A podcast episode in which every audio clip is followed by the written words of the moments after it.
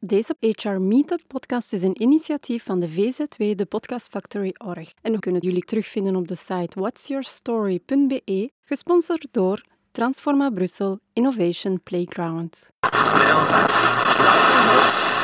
You're listening to the Podcast Factory. Ik heb hier vandaag Vincent Boet, groeistrateeg voor ondernemers, bij mij aan de micro.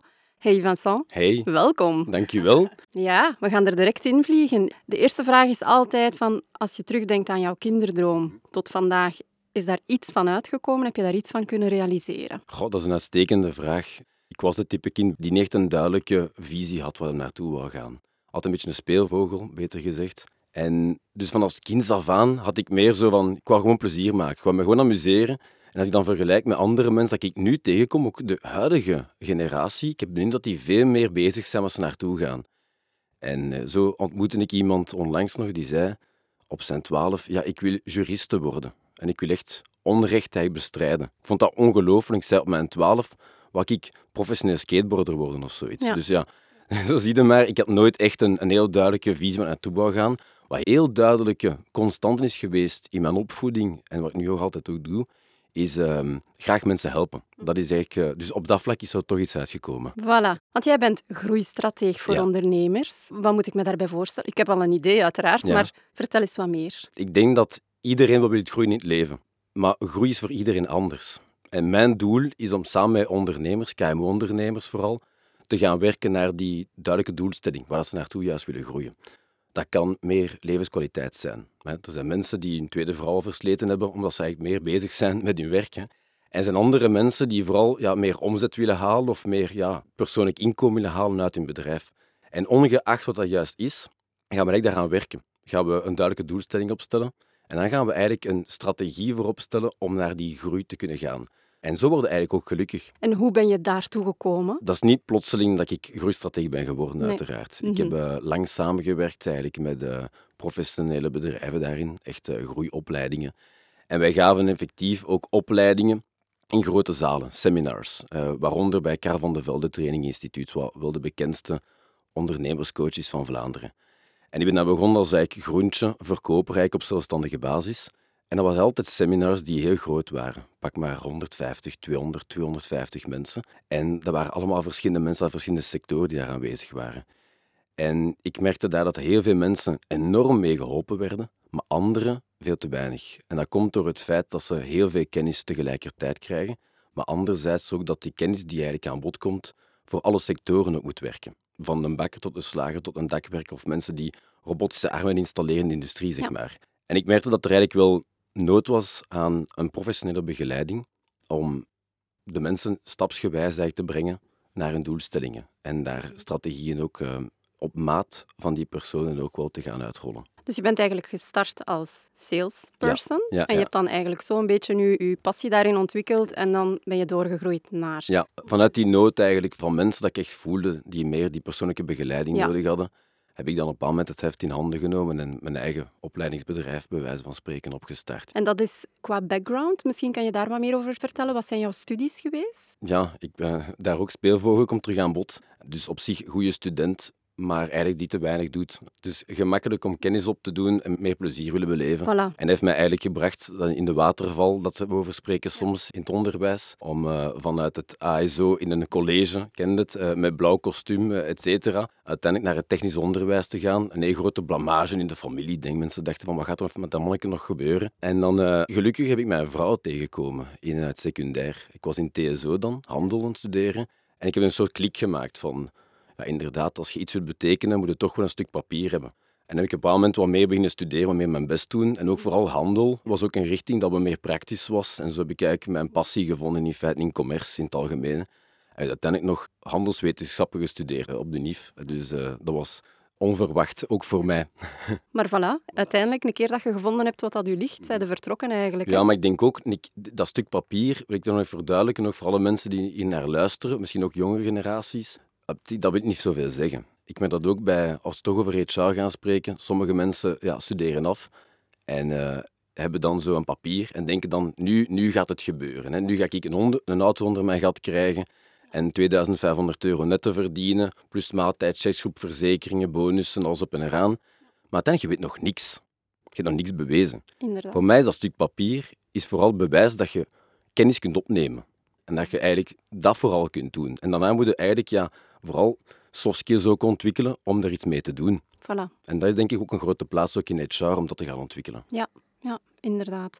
Oké, en dan groeistrategie Ja. voor ondernemers. Gaat het dan over zelfstandigen die met u in contact komen of gaat het over bedrijven? Wie is jouw doelgroep? Doelgroep zijn vooral KMO-ondernemers. Oké. Dus echt wel een bedrijfsleider die al een mooie weg heeft afgelegd en die betere groei wilt op een welk niveau. Het zij levenskwaliteit, het zij persoonlijk leiderschap, het HR ook soms, we hebben structuur ook, Dus organisatie. het is geen globale aanpak. Je gaat echt specifiek op iets inwerken. Ja, we, we vertrekken meestal ook van een bepaalde uitdaging, van een bepaald probleem, zeg maar. Of een vernauwing in feite in de structuur of in het bedrijf in het algemeen. Of ik zeg ook vaak, ja, we gaan eerst kijken naar de we zouden eens projecten. hè. Heel veel bedrijven hebben van die we zouden eens dit aanpakken. We zouden een keer een informatica-systeem of Ja. een duidelijke... Maar die worden dan geparkeerd en Ja, dan... Ja. die worden dan geparkeerd, die worden ergens op een schap ergens geplaatst en daar wordt eigenlijk veel weinig mee gedaan. We gaan eigenlijk een soort overzicht maken van alle zaken die zij willen veranderen en vanuit bepaalde problemen ook vertrekken. Eens dat die problemen zijn weggewerkt, dan pas kunnen groeien. Ik vergelijk het vaak ook met een boom. En een boom, als die scheef staat, als die jong is, dat is niet zo erg. Maar als die scheef blijft staan en dan begint die te groeien, dan bestaat de kans er enorm in dat die op een bepaald moment zal neervallen. En dat is in bedrijven ook zo. Ze groeien vanuit een bepaalde vakkennis, een bepaalde passie. En dan kan op een bepaald moment iets scheef gaan. Hè? En als je nog een kleine structuur hebt, is dat niet zo erg. Op het moment dat je dan begint te groeien, dan pas zie je dat er echt grote problemen eigenlijk... Dan wordt dat uw zwakke plek eigenlijk. Dat zijn echt die zwakke, zwakke momenten eigenlijk in het bedrijf, zwakke punten in het bedrijf, die ervoor zorgen dat je soms die opmerking krijgt, en wellicht ook herkenbaar, ook voor de mensen die naar ons luisteren, dat klanten op een bepaald moment zeggen, amai, het is toch niet meer dat het was. Hè. Sinds dat die zo gegroeid zijn, en toch niet meer diezelfde service. Dus als groeistrategie is mijn ambitie om ervoor te zorgen dat zij absoluut ook bovenop het organisch groeien, ook strategisch kunnen gaan groeien. Effectief stappen zetten naar de, waar ze naartoe willen gaan. En niet zo snel mogelijk en zo efficiënt mogelijk. Maar daarnaast ook ervoor zorgen dat ze along the way ook de kwaliteit kunnen blijven garanderen. Dat is een goede evenwichtsoefening dat we altijd daarin moeten maken. Heb je een voorbeeldje van een eh, traject dat je zo gedaan hebt, waar je best wel, wel fier op bent? Goh, er zijn er heel veel, eerlijk gezegd. Ja, ik, Een eh, specialeke. Een specialeke. Ik denk dat er een, ehm, een bedrijf dat ik nog ja, onlangs nog heb eh, ontmoet. Dat zijn twee broers die tuinaannemers zijn, die ongelooflijk hard werken. Echt al jarenlang. Ik begon als zelfstandige en die nu uiteindelijk ja, een team hebben van 15 mensen. Dat is bedrijf Carter in Heist op den Berg. Dus ik werk van overal een beetje, zeg maar. Ja, die waren eigenlijk ja, wel goed bezig, maar ik denk dat de meeste ondernemers die al zo lang bezig zouden zijn, gewoon super fier zouden zijn. Maar ze hebben altijd die constante dwang om beter te presteren. En we hebben echt ehm, gigantische mooie resultaten kunnen halen. We zijn van 2800 volgers zeg maar, op Instagram, zijn we nu op bijna 6000 volgers en op nog geen zes maanden tijd. Alle aanvragen die nu binnenkomen zijn ook vooral via social media. Hè. Dus ze moeten eigenlijk totaal niet meer investeren in het onderhouden ook van relaties met architecten of wat dan ook. Nog altijd wel een belangrijk punt. Maar ze, ze kunnen nu veel meer kiezen welke type projecten dat ze willen. En zo ervaren ze ook veel meer vrijheid op verschillende niveaus. Zowel levenskwaliteit, maar daarnaast ook ja, financiële vrijheid. En dus ervoor zorgen dat je als groeistrateeg op een zo'n korte tijd, want we zijn nog maar zes maanden bezig, de doelstellingen die zij hadden eigenlijk over een jaar of twee, al op zo'n korte tijd in feite gaan realiseren, dat is fantastisch, vind ik toch. Ja. Dus dat vertaalt zich in extra omzet, maar ik ga natuurlijk niet echt uitspreken hoe dat, dat effectief is. Maar eh, in medewerkers ook. Hè. Ja. Goede medewerkers vinden is Is op zich al een moeilijke. Hè? ja, absoluut. Dat is, als je dan spreekt met ondernemers, de grootste uitdaging die ze momenteel kennen. Het juiste personeel kunnen aantrekken en ja. aanwerven en houden. Ik spreek trouwens graag over medewerkers of samenwerkers in plaats van personeel. Ik vind dat, dat je eigen bedrijf bouwt samen. Dus dat zijn samenwerkers of medewerkers. Gaan mede eigenlijk in de richting van het doel dat je ook hebt. En ook als je over groei spreekt, is het ook belangrijk, vind ik, om je samenwerkers erbij te betrekken. Dan, hé, daar gaan we naartoe.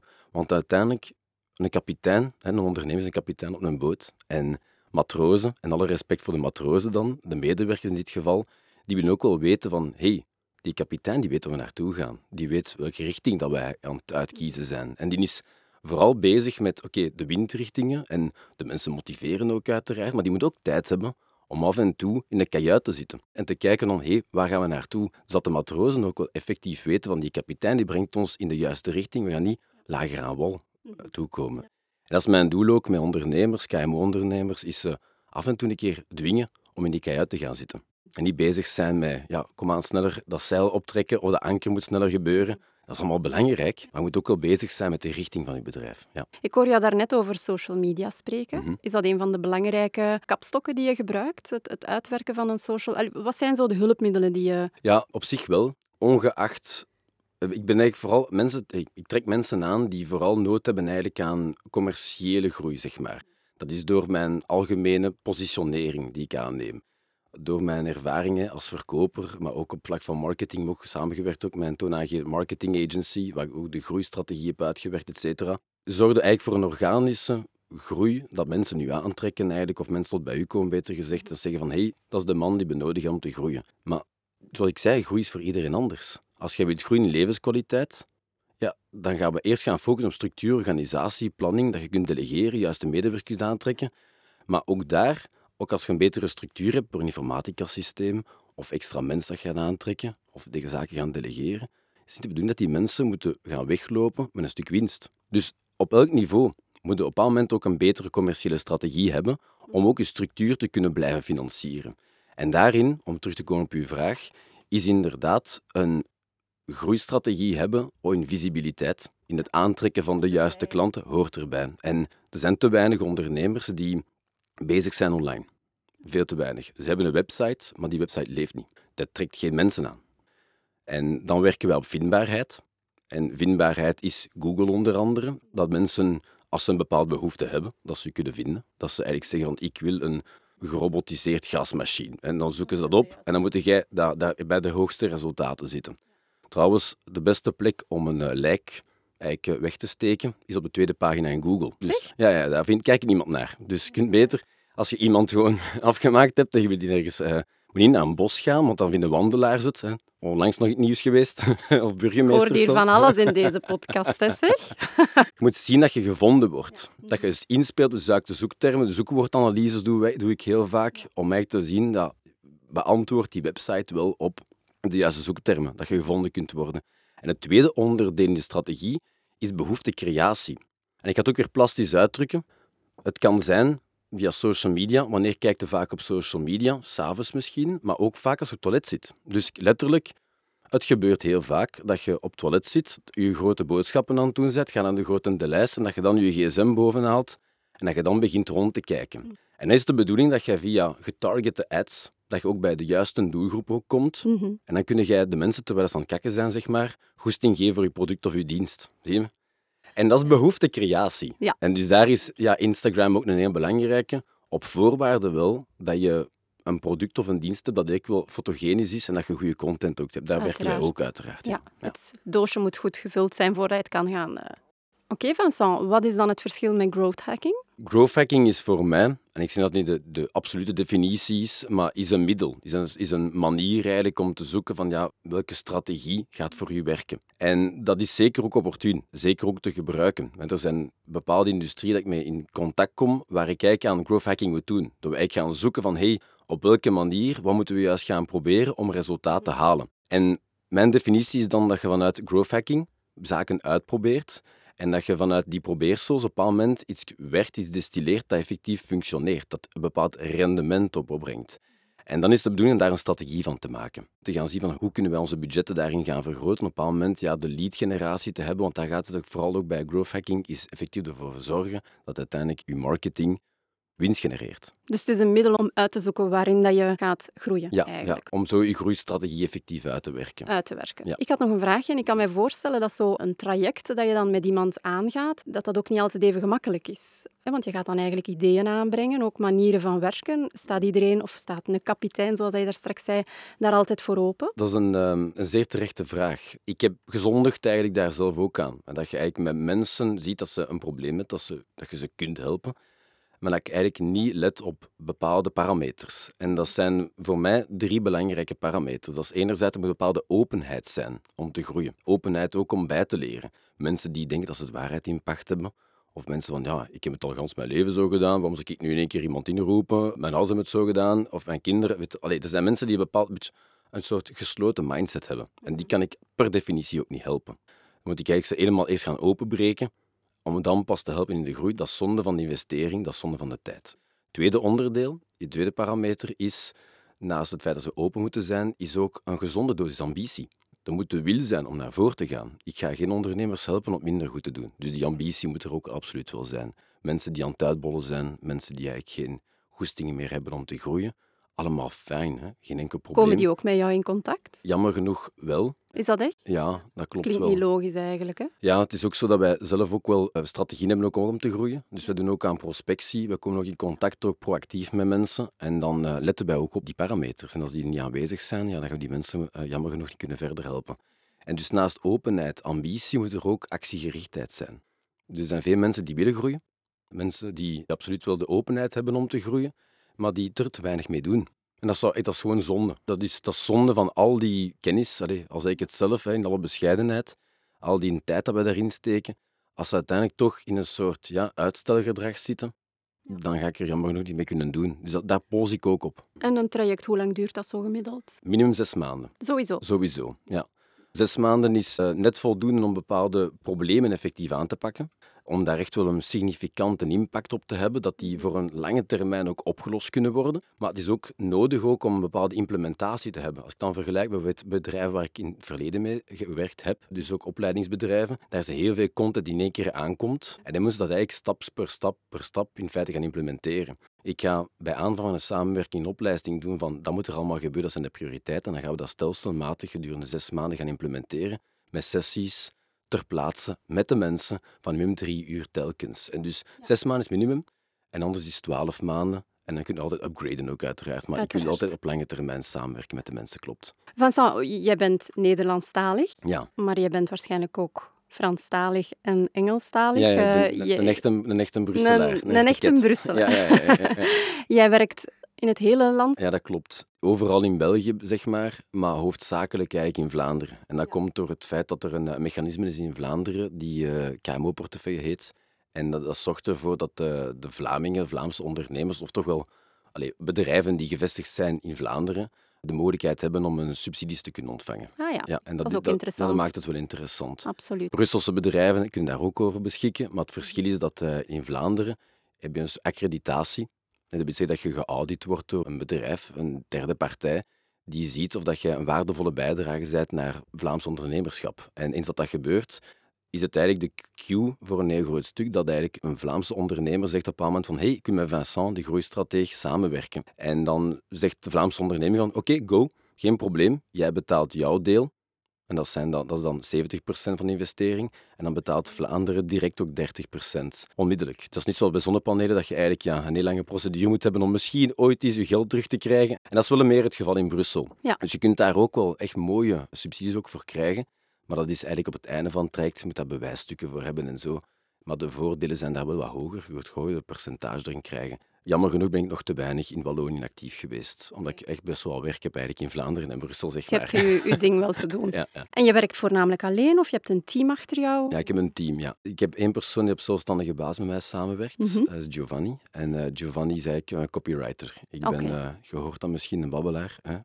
en hij is iemand die vanuit mijn braindump, zoals men het noemt, eigenlijk meer ja, teksten gaan gaan maken om te gebruiken eigenlijk voor zijn dragers. En daarnaast heb ik ook een, eh, een medewerker ja, die op commercieel vlak werkt, die ja, de eerste contacten legt, et cetera. Die echt prospectie gaat doen? Prospectie ook onder andere, ja. En nog een andere persoon die op zelfstandige basis ook werkt. Dat is een man die in de 70 zit, die zelf ook ondernemer is. En dan gelooft hij mijn verhaal. En zo ik zijn netwerk erover aanspreekt. Ah ja, voilà. ja. Ervaring, hè? ook belangrijk. Ook belangrijk. Ja, dus toch nog een, een kleine structuur, zeg maar. Ja. Waar kunnen wij jou vinden, Vincent? Ah, Wel, eh, dagelijks hier in Transforma of bij klanten. Uiteraard, ja. Maar, of in de podcastruimte af en toe. Ja, Maar nee, je kan mij het beste bereiken in feite via ja, de verschillende socials. Het zij Instagram, Facebook, LinkedIn, uiteraard. Dat is Vincent Boet of Vincent B de ingeeft voor mijn bedrijf zelf. En anders is het www.vincentb.be. en Boet wordt B-O-E-D-T. Ja, ja, Voilà, ja. Vincent Boet. klopt. Vincent, wat is voor jou de definitie van een goede HR? Een goede HR, ja. Ja. In veel bedrijven wordt HR volgens mij gezien als gewoon personeel. De gewoon personeelsdienst, zeg maar. Ik denk dat een goede HR begint bij een heel duidelijke visie vanuit de ondernemer waar hij naartoe wilt gaan. En dat hij zijn DNA voor een stuk kan terugvinden in het bedrijf. En ik ga dat misschien eens met een voorbeeld. Ik merk dat sommige ondernemers, sommige KMO-ondernemers, op een moment wat afstand nemen of met bepaalde zaken bezig zijn binnen hun bedrijf. En dat ze plotseling, na verloop van tijd, zeg maar, terugkomen in het bedrijf en eigenlijk habitudes, zeg maar, bepaalde gedragingen eigenlijk herkent in het bedrijf die niet in lijn zijn met de natuurlijke aard van die ondernemer zelf.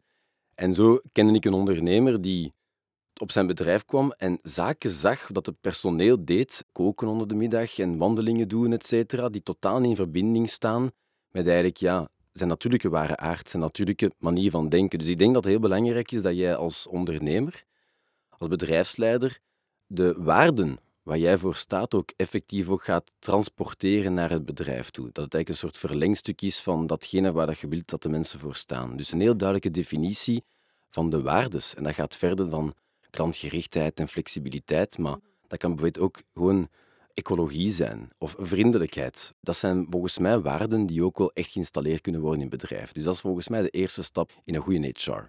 Een weerspiegeling van waar het bedrijf voor staat. En daarnaast moet er altijd gekeken worden naar de, elke persoon afzonderlijk. Volgens mij kan er geen HR zijn die one size fits all is. Die gewoon standaard eigenlijk hetzelfde aanbiedt. Dus een persoonlijke aanpak is zeker ook wel heel nodig. Inzicht op talent. Kijken naar welke mensen eigenlijk de mogelijkheid hebben, in functie van hun ambities ook, waar ze naartoe willen gaan, is volgens mij ook heel goed in HR.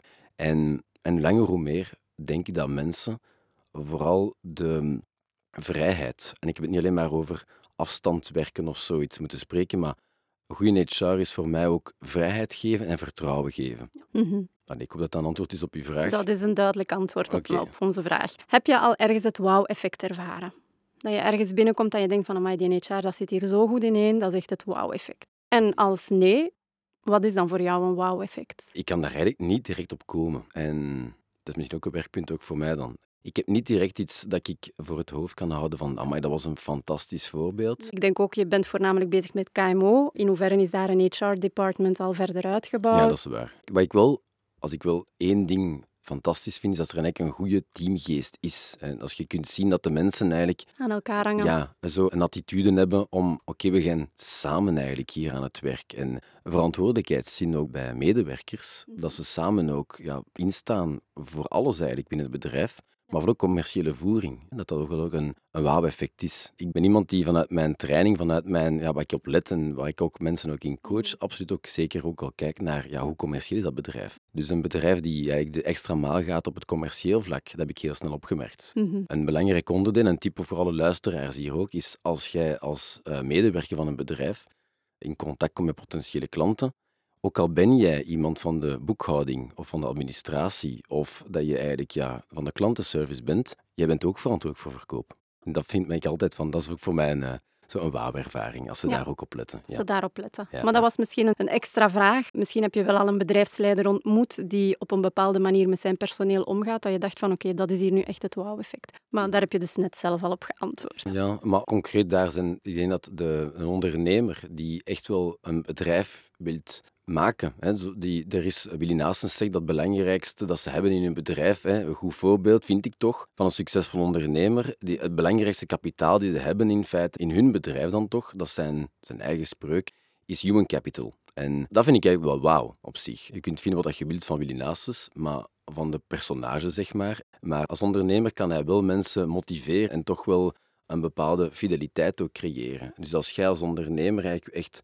tevreden klanten wil kweken... Moet al eerst beginnen met je personeel tevreden. dat is het ja. ook. En ik denk dat Willy Naastens wel gedragen wordt door zijn mensen. Absoluut, ja, Dus uh, oké. Derde vraag. Als je een boodschap zou willen uitsturen aan de HR-mensen die nu naar ons luisteren? Ik zou dus als HR-verantwoordelijke zou ik uh, denken aan dat voorbeeld van uh, die kapitein. Ik denk dat zij ook allemaal misschien niet een groot schip hebben, maar misschien hebben zij ook wel toch een, een fameus bootje toch, dat zij moeten managen of dat zij een bepaalde verantwoordelijkheid over hebben. Dus het gaat hem niet alleen maar in overzicht behouden en zien dat alle mensen op microniveau hun werk doen, maar je moet ook een duidelijke visie ontwikkelen waar je naartoe wilt gaan. En, blijf daar toch, trouw aan. Ja, en als je dan toch in een bedrijf werkt, denk dan ook aan wat dat jij voor staat. dat dat wel een belangrijke is, dat je op je eigen microniveau, soms op je eigen afdeling, je stempel kunt doorduwen. En daar kunnen wel, zeker op vlak van mensen, wel een impact maken op heel lange termijn. Zowel op ja, zakelijk vlak, maar ook als persoonlijk vlak. Dus Vincent, dankjewel om uh, hier te zijn vandaag. Wij kunnen jou dus vinden op de website www.vincentb.be. Ja. Ik hoop nog heel veel van jou te horen en een boodschap aan onze luisteraars. Als jullie dit hebben gehoord en jullie denken van tja, die podcast dat is toch interessant, ik wil daar mijn verhaal ook eens komen doen. Maar begin dan misschien al met dit te liken en te sharen. En uh, je kan gerust bij ons in contact komen op de site whatsyourstory.be. Dankjewel. You're listening to the Podcast Factory. Deze HR Meetup podcast is een initiatief van de VZW, de Podcast Factory Org. En we kunnen jullie terugvinden op de site whatsyourstory.be, gesponsord door Transforma Brussel Innovation Playground.